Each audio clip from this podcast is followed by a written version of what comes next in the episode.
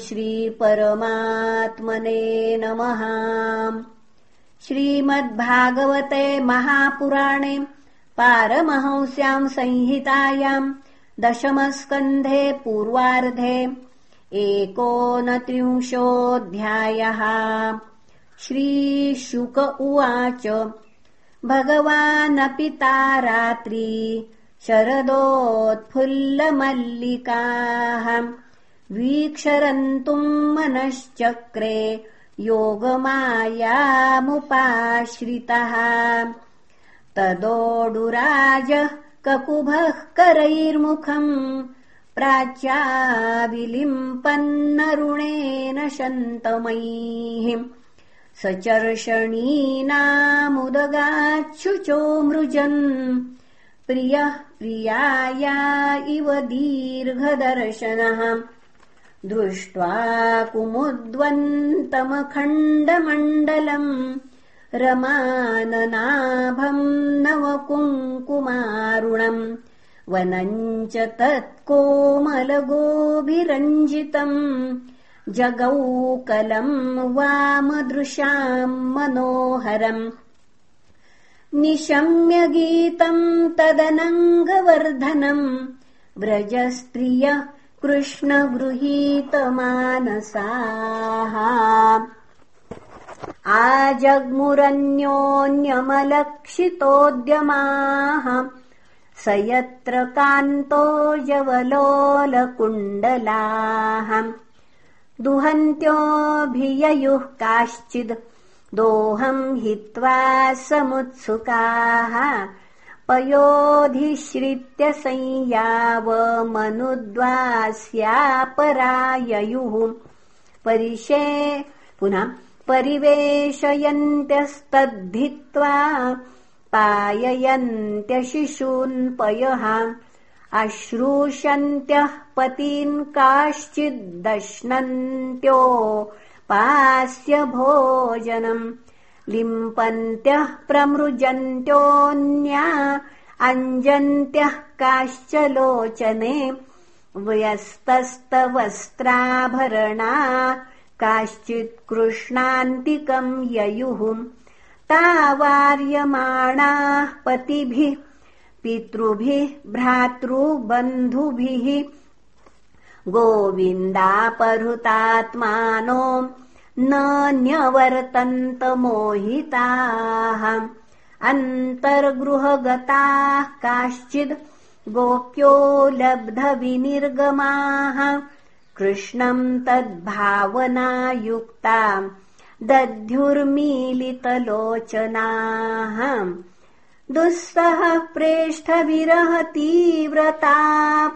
धुताशुभाः ध्यानप्राप्ताच्युताश्लेष निवृत्त्या क्षीणमङ्गलाः। तमेव परमात्मानम् जारबुद्ध्यापि सङ्गताः। जहुर्गुणमयम् देहम् सद्यः प्रक्षीणबन्धनाः। राजोवाच कृष्णम् विदुः परम् कान्तम् न तु ब्रह्मतया मुने। गुणप्रवाहो परमस्तासाम् गुणधियाम् कथम्? श्रीशुक उवाच उक्तम् पुरस्तादेतत्ते चैद्यः सिद्धिङ्गता पुनः उक्तम् पुरस्तादेतत्ते चैद्यः सिद्धिम् यथा गतः द्विषन्नपि ऋषिकेशम् किमुताधोक्षजः प्रियाः। नृणाम् निःश्रय्यसार्थाय व्यक्तिर्भगवतो नृप। अव्ययस्याप्रमेयस्य निर्गुणस्य गुणात्मनः। कामम् क्रोधम् भयम् स्नेहमैक्यम् सौहृदमेव च नित्यम् हरौ विदधतो यान्ति तन्मयताम् हिते। न चैवम् विस्मयः कार्यो भवता भगवत्यजे। योगेश्वरेश्वरे कृष्णे यत् एतद् विमुच्यते। तादृष्टान्तिकमायाता भगवान् व्रजयोषितः अवदद्वदताम् श्रेष्ठो वाच पेशैर्विमोहयन् श्रीभगवानुवाच। स्वागतम् वो महाभागा। प्रियम् किम् करवाणि वः? व्रजस्यानामयम् कश्चिद् ब्रूतागमनकारणम्। रजन्येषा घोररूपा घोरसत्त्वनिषेविताम् प्रतियातव्रजम् नेह स्थेयम् स्त्रीभिः सुमध्यमाः। मातरः पितरः पुत्रा भ्रातरः पतयश्च वहा विचिन्वन्ती ह्यपश्यन्तो मा क्रुध्वम् बन्धुसाध्वसम्।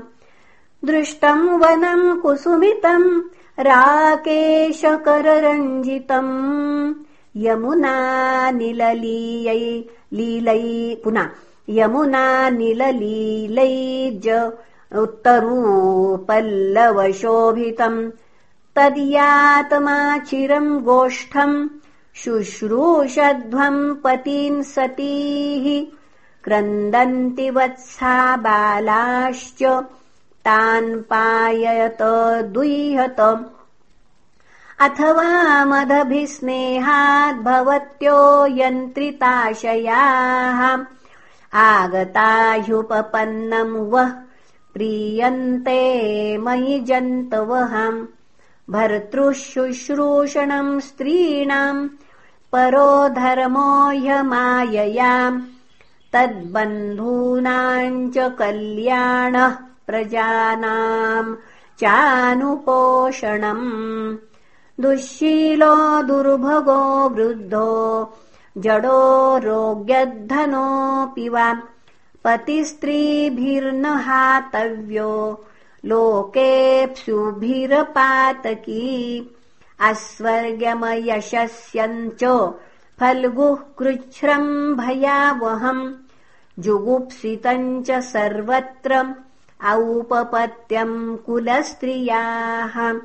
श्रवणाद्दर्शनाध्यानान्मयि भावोऽनुकीर्तनात् न तथा सन्निकर्षेण प्रतियात ततो गृहान्।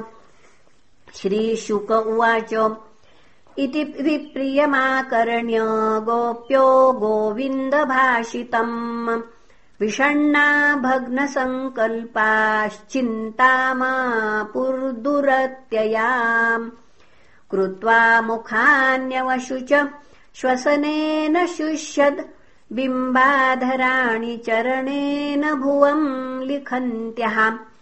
अस्त्रैरुपात्तमशिभिः कुचकुङ्कुमानि तस्थुर्मृजन्त्य उरुदुःखभरा स्म तूष्णीम् प्रेष्ठम् प्रियेतरमिव प्रतिभाषमाणम् कृष्णम् तदर्थविनिवर्तितः सर्वकामाः नेत्रे विमृज्यरुदितोपहते स्म किञ्चित् संरम्भ गदगदगिरो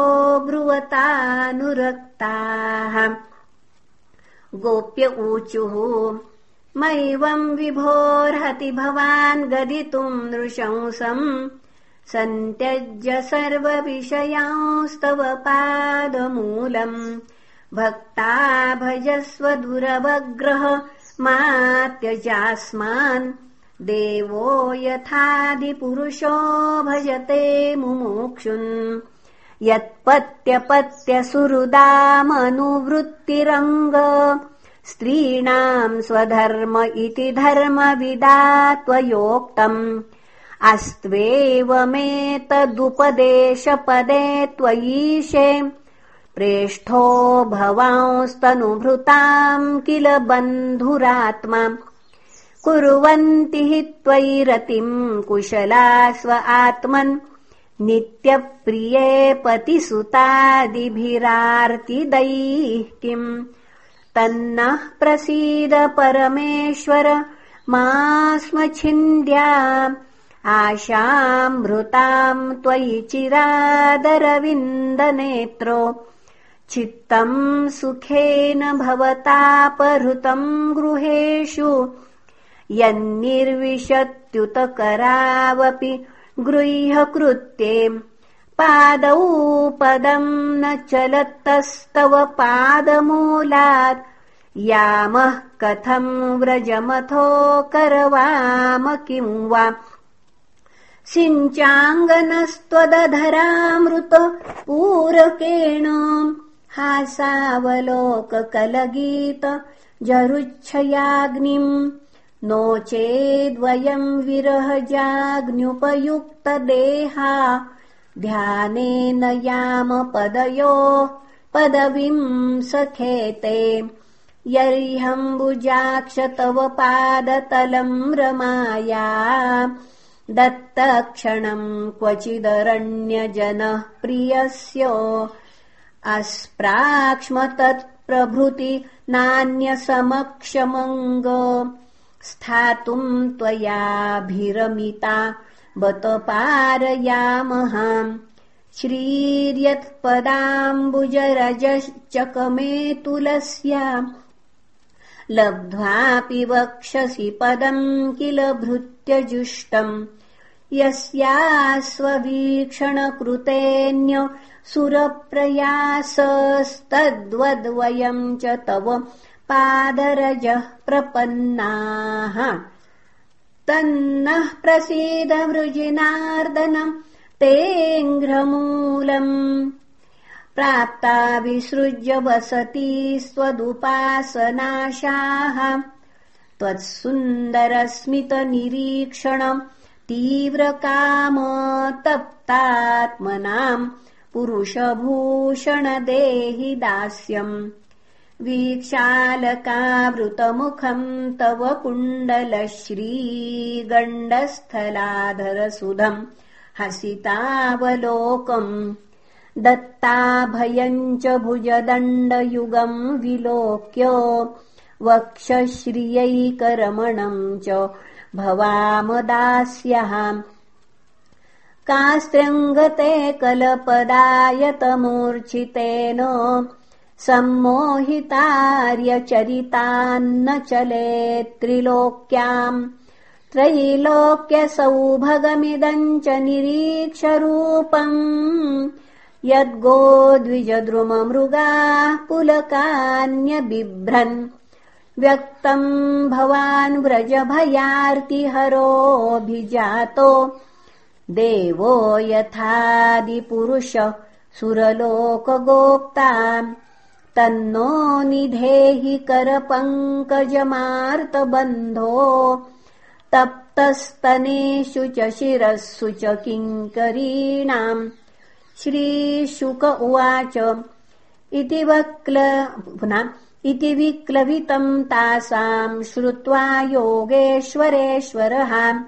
प्रहस्य सदयम् गोपीरात्मा रामोऽप्यरीरमत् ताभिः समेताभिरुदारचेष्टितः प्रिये क्षणोत्फुल्लमुखीभिरच्युतः उदारहासद्विजकुन्ददीधितीर्व्यरोचतैनाङ्क इवोडुभिर्वृतः उपगीयमान् उदगायन् वनिताशतयूथ अहम् मालाम् बिभ्रत् वैजयन्तीम् व्यचरन् मण्डयन् वनम् नद्याः पुलिनमाविश्य पुनः नद्याः पुलिनमाविश्य गोपीभिर्हिमवालुकम् रेमे तत्तरलानन्द कुमुदामोदवायुनाम्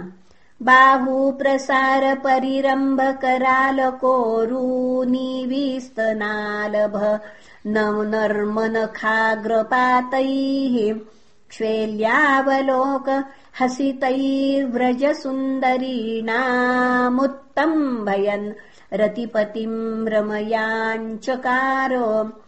एवम् भगवतः कृष्णा लब्धमाना महात्मनः आत्मानम् मे निरे स्त्रीणाम् मानिन्योऽभ्यधिकम् भुवि।